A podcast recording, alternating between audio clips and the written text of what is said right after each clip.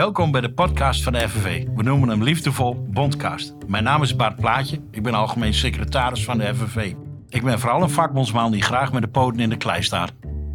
Vandaag te gast in de FNV Bondcast. FNV Finance bestuurder en onderhandelaar Duigu Akçay. Duigu, ik had uh, je achternaam nog even doorgenomen voor de zekerheid, want ik wil hem goed uitspreken. Want je bent ondertussen geschiedenis aan het schrijven, dus uh, extra belangrijk dat ik even geen fout maak. Allereerst, welkom. Dankjewel, Bart.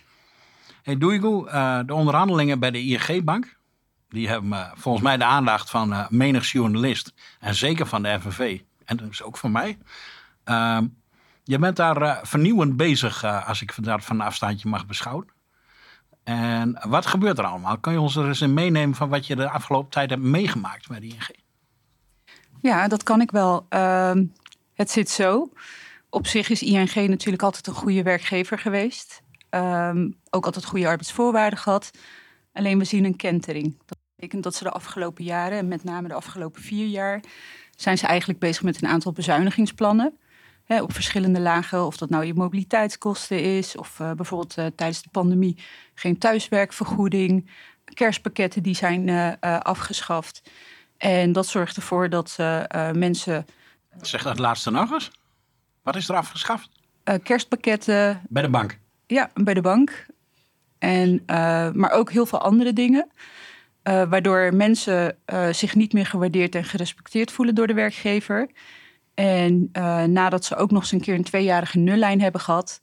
En met de hoge inflatie willen ze eindelijk een keer wel die waardering en wel het respect van de werkgever. en als ik nou advocaat van de duivel speel en ik zeg ja, maar ook al heb je twee jaar nullijn, uh, bij de bank verdienen, verdienen ze goud geld. Dus uh, ja, zou het dan echt al zeer doen? Nou, je bedoelt de bank zelf dan of de medewerkers? De medewerkers. Ja, iedereen denkt dat, maar dat is dus niet zo. En ik spreek ook met name over bankmedewerkers. Want vaak denken mensen dat het uh, ook altijd bankiers zijn. Maar dat is niet zo. Er werken ook gewoon heel veel mensen in de callcenter bij de ING. Of bijvoorbeeld op de ondersteunende taken. En die verdienen helemaal niet zoveel als dat wij denken dat ze verdienen. En we hebben daar ook een enquête over gehouden, maar de werkgever erkent dat ook. Is natuurlijk ook wel grappig. En je ziet het heel vaak ook in andere sectoren. Bepaalde beroepen zijn of bepaalde uh, uh, posities zijn het uithangbord. Maar alleen door de inzet van werk komen er natuurlijk, wat er natuurlijk waarde gegenereerd. Dus dat zal bij een bank niet anders zijn. Dat is natuurlijk wel logisch. Ja, dat is correct. Maar het zijn juist de mensen die klantcontact hebben en juist het visitekaartje zijn van de ING, die juist op de lagere schalen zitten. En dat is, uh, als we het echt hebben over de lagere schalen, is dat een derde van de populatie. Zo. Ja, en nog een andere derde zit net op de uh, middenklasse. Ja, nou, tel uit je winst. Ja, als je die twee jaar op een nullijn zet en je kiept er ook nog een inflatie van uh, 14 tot 16 procent overheen. Ja. Ja, dus we hebben een forse uh, koopkrachtverlies uh, gehad. En waar we nu dus staan is dat de ING het liefst eigenlijk nog een derde jaar nullijn wil geven. Want ze bieden nu 3 procent vanaf oktober 2023. Ja, dat gaat er niet in bij veel mensen. En nou moet ik er ook wel bij zeggen, het, het probleem is eigenlijk drieledig. Dus het gaat echt om de collectieve loonsverhoging, maar ook de stijgende werkdruk. En dat heeft vooral ook te maken met uh, structureel personeelstekort. En daarnaast respect en waardering. Dus de omgangsvormen en ja, het hele sentiment eigenlijk. Is toch bijzonder? Ik kan me nog herinneren uit acties die we vroeger met schoonmakers voerden bij de ING... dat respect en waardering daar al een ding was. Maar dus ook bij de bankmedewerker zelf... dat dat issue weer naar boven komt. Dat is... Ja, ja, dat speelt daar ook. Het is gewoon een normale werkgever, net zoals alle andere werkgevers. Ja. Dat blijkt dan ook weer. Dugo, je, je noemt uh, uh, werkdruk en, en natuurlijk gewoon regelrecht de centjes en ook respect en waardering. Is er nou een van die drie die zegt dat is de katalysator dat mensen nu echt in actie komen? Want ja, bankmedewerkers die actie voeren, dat is natuurlijk een nieuw ding. Ja, ik denk dat het echt een samenstelling is van deze drie zaken. Met name omdat uh, koopkrachtverlies is natuurlijk best wel hoog. En omdat mensen ook niet heel, heel veel verdienen op sommige functies is dat sowieso een trigger. Maar daarnaast ook de werkdruk. Ik bedoel, ja, er is gewoon een stijgende werkdruk. Mensen zien hun banen verdwijnen, of het nou outsourcing is. Dat zijn gewoon allemaal dingen waar mensen toch uh, hun toekomst eigenlijk heel onzeker, uh, onzeker zien. Ja. En dat ze bijna geen uh, toekomstzekerheid meer zien. Vooral ook omdat ja, de banen verdwijnen bijvoorbeeld naar Polen, uh, naar Filipijnen.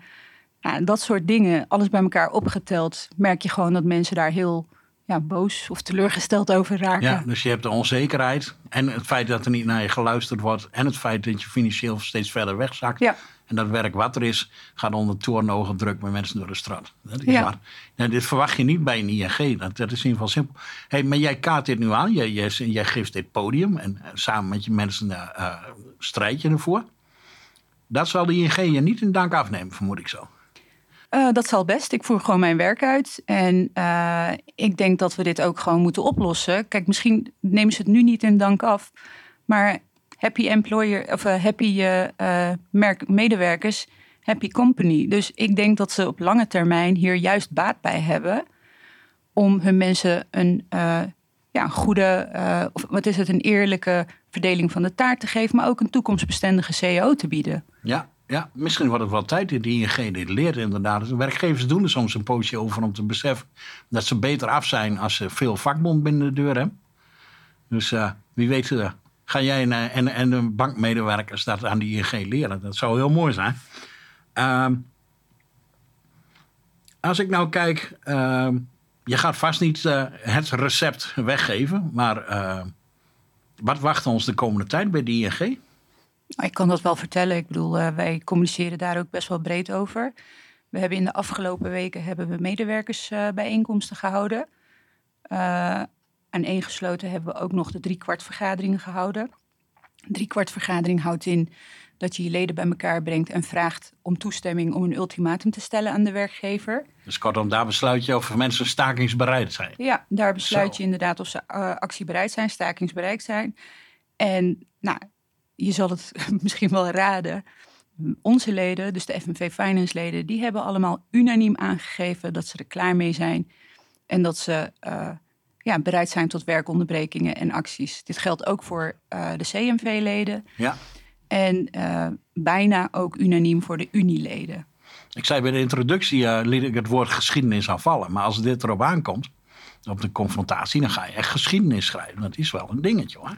Je zou denken dat ik er blij mee ben, maar helaas is dit inderdaad de realiteit. Het is jammer dat een werkgever als ING het zo ver laat komen. Uiteraard hopen we nog steeds dat ze over de brug komen.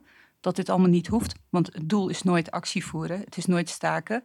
Het doel is gewoon een eerlijke en een toekomstbestendige CEO te hebben. Ja, onze voorzitter uh, Tuur zei laatst in een interview... Uh, stakers zijn eigenlijk de meest loyale mensen. Ja. Want werknemers kunnen nu uh, kiezen met hun voeten. Ze kunnen denken van, goh, dit is een hele andere arbeidsmarkt. Ik ga eens ergens anders kijken. Maar als je echt van je bedrijf houdt, je wil, je wil blijven, maar je wilt het ook beter maken. En er wordt niet geluisterd. Dan heb je niet zo heel veel mogelijkheden. Zie je dat bij de ING ook? Absoluut. Uh, ook bij de medewerkersbijeenkomsten, maar ook op de communicaties die ik zelf heb met de leden, merk je gewoon dat ze de, uh, de uh, klanten zeg maar voorop stellen. En dat ze zoiets hebben van ja, ik wil eigenlijk mijn werkgever wel een tikje geven zonder dat ik de klanten raak. Ja, dat gaat natuurlijk niet. Dus ja, ze merken zelf ook van oké, we hebben echt alles uit de kast getrokken. We hebben alles geprobeerd aan ludieke acties, aan softe acties. Maar als het de werkgever niet boeit, ja, op een gegeven moment leggen zij zich er ook bij neer. En dan weten ze van ja, wij houden van de klanten, maar dit kan niet op een andere manier. Ja, ja. Dat wordt nog spannend. Uh, en als ik dan kijk naar die ING uh, doe ik hè. Uh, het is allemaal oranje voor, oranje zus, oranje zo. Uh, niet dat ze van de koninklijke huizen zijn, hè? dat mogen ze nou weer niet zeggen. Maar alles wat ze uiten en alles wat ze optuigen, dat ziet er altijd oranje uit. En nou hoorde ik iets over hashtag code oranje. Ja, dat klopt. Ik vind hem nog steeds briljant gevonden door een van mijn kaderleden. de ING heeft zelfs de Orange Code waarin zeg maar, hun waarde en missie en visie, et cetera, staat. Nou, wij hadden zoiets van, nou, wat voor een actie kunnen wij gebruiken? Wat voor een actie moeten wij inzetten? En toen kwamen mijn kaderleden en leden met de hashtag code oranje. Wat dus ook staat voor, nou, je wil een alarmbel afgeven. Ja. Dus zo hebben we dat in het leven geroepen. En uh, is er een digitale actie geweest die eigenlijk viraal ging. Ja, dus we houden hem erin. Kijk. Hashtag code oranje. Dus als, als de mensen die naar deze podcast luisteren hun willen steunen, dan zullen ze altijd, en ze gaan daarvoor op social media, hashtag code oranje er graag aan toevoegen. Absoluut. Hashtag Ja. code oranje. Ja. Staat voor de medewerkers. Ja, leuk. Wat ik me wel afvraag, doe, ik zit met heel veel ontzag van een afstandje vanuit het bestuur eh, eh, te kijken naar, hoe je dit allemaal optuigt samen met je kaderleen. En kan je kort vertellen hoe dat nou is om met kaderleden in het bankwezen te werken? Kijk, ik heb natuurlijk zelf geschiedenis in de metaal, in de schoonmaken. Het zijn allemaal hele verschillende doelgroepen. Maar ik ben bijna jaloers dat jij met deze doelgroep aan de bak bent. Het zal een hele unieke ervaring zijn. Of zijn ze misschien toch niet zo anders als dat iedereen denkt? Ja, dat is heel verschillend. Ik heb zelf natuurlijk in verschillende sectoren, verschillende bedrijven, verschillende mensen moeten organiseren. Maar hier is het inderdaad heel gemixt. Het is niet een homogene groep. Het is ook niet een winkel die je sluit en denkt van, nou, nu leggen we het werk neer. Dus het vergt alle zorgvuldigheid. Maar ik merk dat die mensen daar ook heel goed in zijn. Ze kennen het bedrijf heel goed. Ze weten precies welke processen waar werken. Dus wat dat betreft is het gewoon fantastisch om met ze samen te werken. En aan de andere kant, ik hoor ook wel eens, ja, bankmedewerkers zullen niet staken. Maar als je werkgever je zo ver brengt, denk ik dat iedereen bereid is om te staken. En ik wil er wel aan toevoegen, wat ook is, is dat, eh, eh, kijk, mensen denken vaak dat ze op een eiland zitten, dat ze de enige zijn met een probleem. Ze kunnen er niet over spreken, ze kunnen er niet over praten. Sommigen schamen zich er ook voor. Hé, je werkt bij een bank, maar hebt het financieel misschien niet heel breed. Ja, ja, ja En op het moment dat-. Ja, en als je die gesprekken met ze hebt, dan beseffen ze eigenlijk ook, en vooral als je ze in een zaal hebt met heel veel mensen, dan zien ze ook van, hé, hey, wacht eens even, ik ben, niet het ene, ik ben niet de enige met dit probleem. Het is een groter, een breder gedragen probleem. Het is bijzonder, hè? want je ziet dat bij heel veel werkende mensen die barrières eigenlijk terug. Hè? Er is altijd wel een reden waarom je niet met een ander wil praten over dat jij niet rondkomt of, of dat jij kapot gaat aan de werkdruk. En die beleving van het ligt aan jou als individu en je hebt geen vermogen om het te veranderen, die weerhoudt ons ook heel vaak ervan om, om de ander op te zoeken. Ja, en hey, je stelde net aan het begin zelf de vraag van... maar bankmedewerkers verdienen toch goed? En dat is vaak wat de buitenwacht ook denkt. Dat bankpersoneel ook bankiers zijn, maar dat is niet zo. Niet iedereen die bij een bank werkt is econoom of een bankier. Het zijn gewoon mensen zoals jij en ik... die Ja. gewoon, ja, in, alle lagen van de maatschappij ook zitten. Ja, gewoon mensen die gewoon werken voor een beetje brood op de plank thuis en af en toe nog eens een keer kunnen leven. Ja, Ja, en soms zijn het ook gewoon eh, eh, alleenstaande ouders. Of iemand die nog eh, een verzorgingstaak heeft, hè, mantelzorg, et cetera. Iemand die parttime werkt, om welke reden dan ook. Dus het is heel divers. En heb je nou ook een, een, een verhaal dat je zegt van je zit er met gedrevenheid in, hè? dat merk ik aan alles. En dat is ook goed, dat is ook wat, wat we willen. Als iemand eh, namens de leden optreedt natuurlijk. En heb je nou zelf ook dat je denkt van god, maar dat en dat verhaal kwam mij ter oren. Ik sprak die en die persoon en dat ging me door merg en been. Uiteraard, dat soort verhalen krijgen wij. Maar eh, dat is niet de enige reden. Ik zie zelf ook, en volgens mij is het gewoon evident nu hoe hoog de inflatie is. Dus in principe eh, hoeven wij daar niet eens naar te graven. De inflatie is zo hoog. We hebben zelfs een, eh, um, er is een witboek gehouden waar 1300 mensen hun verhaal in hebben gezet. Daarnaast hebben we een petitie aangeboden met 1300. 1300. We hebben een petitie aangeboden met 6766 handtekeningen. Dat is de helft van de organisatie. En dat sterkt het verhaal. En dat is ook de reden waarom ik denk van... dit is gewoon schrijnend. We moeten dit gewoon oplossen. Kijk, want deze bondcast is natuurlijk eh, in eerste instantie echt voor de leden van de FNV. Zodat je eh, in Limburg kan horen wat er in Friesland gebeurt en andersom. Eh, maar ook dat de metaalarbeider kan luisteren naar wat er met de bankmedewerker gebeurt. Maar aan de andere kant, als er nu een journalist luistert dan heb je, en die wil nu nog meer van jouw acties weten, dan heb jij nog wel een witboek beschikbaar waarin precies duidelijk wordt van wat hier aan de hand is. Die kunnen ze ter inzage krijgen. Ja. Ja, perfect. Perfect. Dat is heel erg mooi. Waar ik me nou wel afvraag, als je zo'n klus op je bordje krijgt als deze, en er staat je volgens mij een harde strijd te wachten, anders had je al lang oplossingen aangereikt gekregen. Ehm, en ik dacht wel even voor de, ja, enigszins met een glimlach. Ik weet dat jij hebt vroeger bij de politie gewerkt. Heb je niet af en toe zoiets van, ik pak nog even de gummiknuppel uit de kast en ik, eh, ga er zelf nog even in? Nee, dat deed ik ook niet als politieagent. Oké, dat scheelt. nou, dat is wel weer een eh, compliment als vaak. Ik doe het ook wel een beetje met een grap hoor. Want er komt wel veel meer kijk bij politieagent zijn dan, eh, dan dat. En dat weet ik natuurlijk. Ook daar is het natuurlijk dienstverlening en veiligheid. Hè? Dus... Ja, precies. precies. Ik heb wel eens op een, uh, op een uh, klimaatbetoging heb ik uitgelegd aan hele uh, linkse bevlogen jonge mensen die daar voor het klimaat iets stonden te blokkeren. En die dus moeilijkheden kregen met de politie. Heb ik wel eens staan uitleggen van ja, weet je, als er bij mij in de buurt een, een, brandje dreigt. Ik zag een keer in de hele, het was 40 graden in de zomer, nergens mocht je vuur steken. En ik zag een verwarde man vlak bij een hunebed een, een, een, een, vuurtje proberen na te steken met zijn, supermarkt barbecue. En ik heb geprobeerd hem aan te spreken. Die man die was zo in de war, ging helemaal niet. En dan bel ik de politie. En dan is de politie er ook. En die hebben die barbecue afgepakt en die hebben hem op zijn fiets gezet en weggewezen. Weet je? En stel dat ze er niet geweest waren. Dus ik moet er altijd heel erg oppassen dat politie niet in een negatief daglicht wordt gezet. Dus dat is ook wel een beetje een grapje van mij dat ik denk... Snap ik. Kijk, de luisteraars kunnen het niet zien, maar ik zag in je ook de bevlieging van de politieagent. Dus, uh, vandaar dat ik het maar even eruit licht. Hey Doeigo, uh, wanneer zijn we tevreden bij de ING? Uh, eh, wanneer zijn we tevreden? Als mensen tevreden zijn over de, uh, het nieuwe bod wat de ING zal doen op dit moment uh, uh, is de inflatie nog steeds heel hoog. Als je kijkt naar 2022, 2023, hebben ze al bijna 20% uh, koopkrachtverlies. Dus ik denk dat ze ruim boven de 10% mogen zitten. Uiteraard kijken we naar de gehele arbeidsvoorwaardenpakket. Dus er zal ook een structurele oplossing moeten komen tegen werkdruk. En ja, ik denk dat dat ook een van de belangrijkste dingen is. En, en komt die werkdruk nou voort uit de arbeidsmarkt zoals die is? Dat er te weinig mensen beschikbaar zouden zijn? Ongetwijfeld is dat ook een onderdeel daarvan, maar dat is niet het enige. Het heeft vooral ook te maken met eerdere reorganisaties, verkeerde beslissingen van boven. Hè, dat werk bijvoorbeeld verdwijnt naar andere landen of naar andere bedrijven, waardoor de bestaande medewerkers ook constant weer nieuwe mensen moeten inwerken. Maar wat voor werk bij de bank wordt er nou uitbesteed naar, andere, naar, naar het buitenland? Uh, nou, in de ICT bijvoorbeeld, wat naar Manila gaat.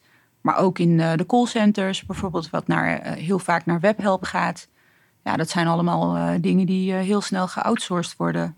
En dat is gewoon loonkosten drukken? Of, dat is gewoon loonkosten drukken. Uiteraard, dat is, ja... Ik zou geen andere reden kunnen nee. bedenken, want de kwaliteit is gewoon intern veel beter. Deze mensen doen het werk al jaren. Dus ze hebben al heel veel exper expertise en werkervaring. En ja, dat, dat kunnen andere mensen elders, die, die kunnen dat niet zo 1, 2, 3. Deze mensen kennen hun klanten door en door. Is dit dan zo'n zo'n KPN-modelletje, noem ik het maar even, dat je jij mensen eruit gooit naar het buitenland, maar ze nog wel even erachteraan stuurt om een opvolger in te werken? Ja, dat gebeurt ook heel vaak, ja. Zo, ja, ik noem maar in KPN, want daar ken ik het van. Ja. Ja, dat is met name als het in de, inderdaad in het buitenland is. Soms heb je ook wel eens dat uh, een uh, outsourcingsbedrijf vanuit Nederland is. Hè, maar die worden dan ook ingewerkt door de bestaande medewerkers. En gaat het dan zo slecht met de ING? Ja, het gaat hartstikke goed met de ING. Ze maken echt miljarden winst. Ze hebben onlangs hebben ze nog besloten om extra aandelen in te kopen van anderhalf miljard. Om vervolgens uit te keren aan de aandeelhouders. Ja, dat is gewoon onbegrijpelijk. Mensen kunnen dat gewoon niet accepteren. Dat is gewoon niet te bevatten.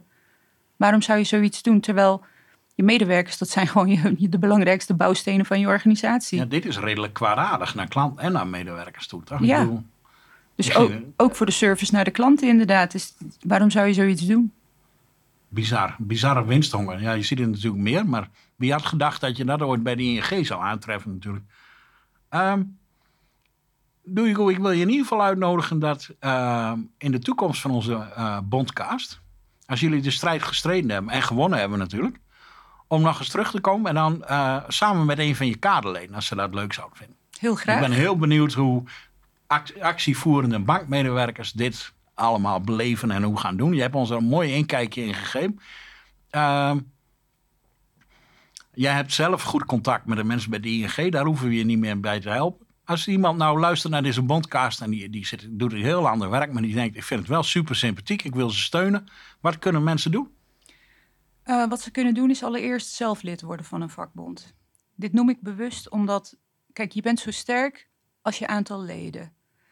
Dus wil jij iemand anders uit je eigen sector, maar ook iemand uit, uit een andere sector steunen, dan moet je ook weten wat een, wat een vakbond is en wat een vakbond doet.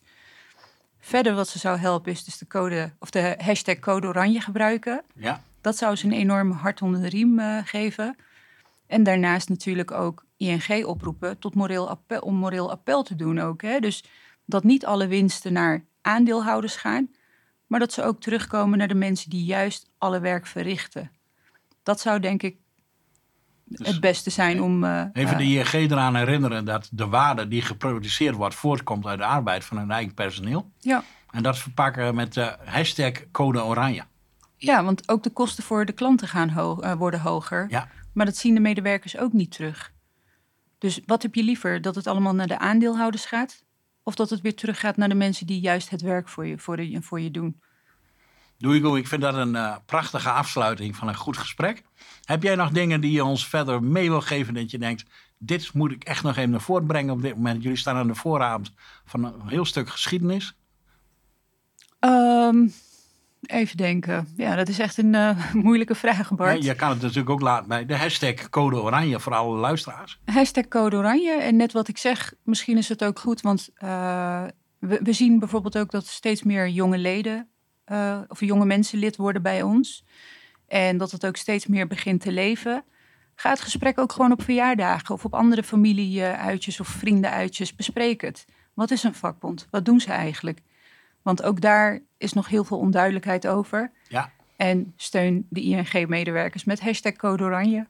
ja, die vind ik mooi. Dat staat natuurlijk ook al eerder in ons gesprek dat je eh, geen barrières hoeft te voelen om over je eigen problemen op werk met een ander te praten. Want juist die verbinding gaat ons sterker maken. En dat gecombineerd met een vakbondslidmaatschap. Absoluut. En normaliseer het ook. Hè. Mensen moeten echt normaliseren wat je rechten zijn. En dat zijn ze denk ik in de afgelopen jaren ook een beetje kwijtgeraakt. We zijn nederig, we zijn ja, bescheiden. is allemaal prima, maar dat zijn de aandeelhouders niet. Doeigo, ik vind dat een mooie afsluiting. Daar kan ik, niet meer, eh, daar kan ik geen stelling meer achteraan gooien. Ik ben je dankbaar. En Dankjewel. eh, zoals beloofd, tot ziens.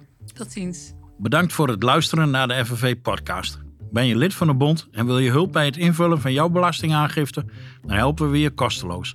Kijk dan op fnv.nl slash belastingservice. Tot de volgende keer.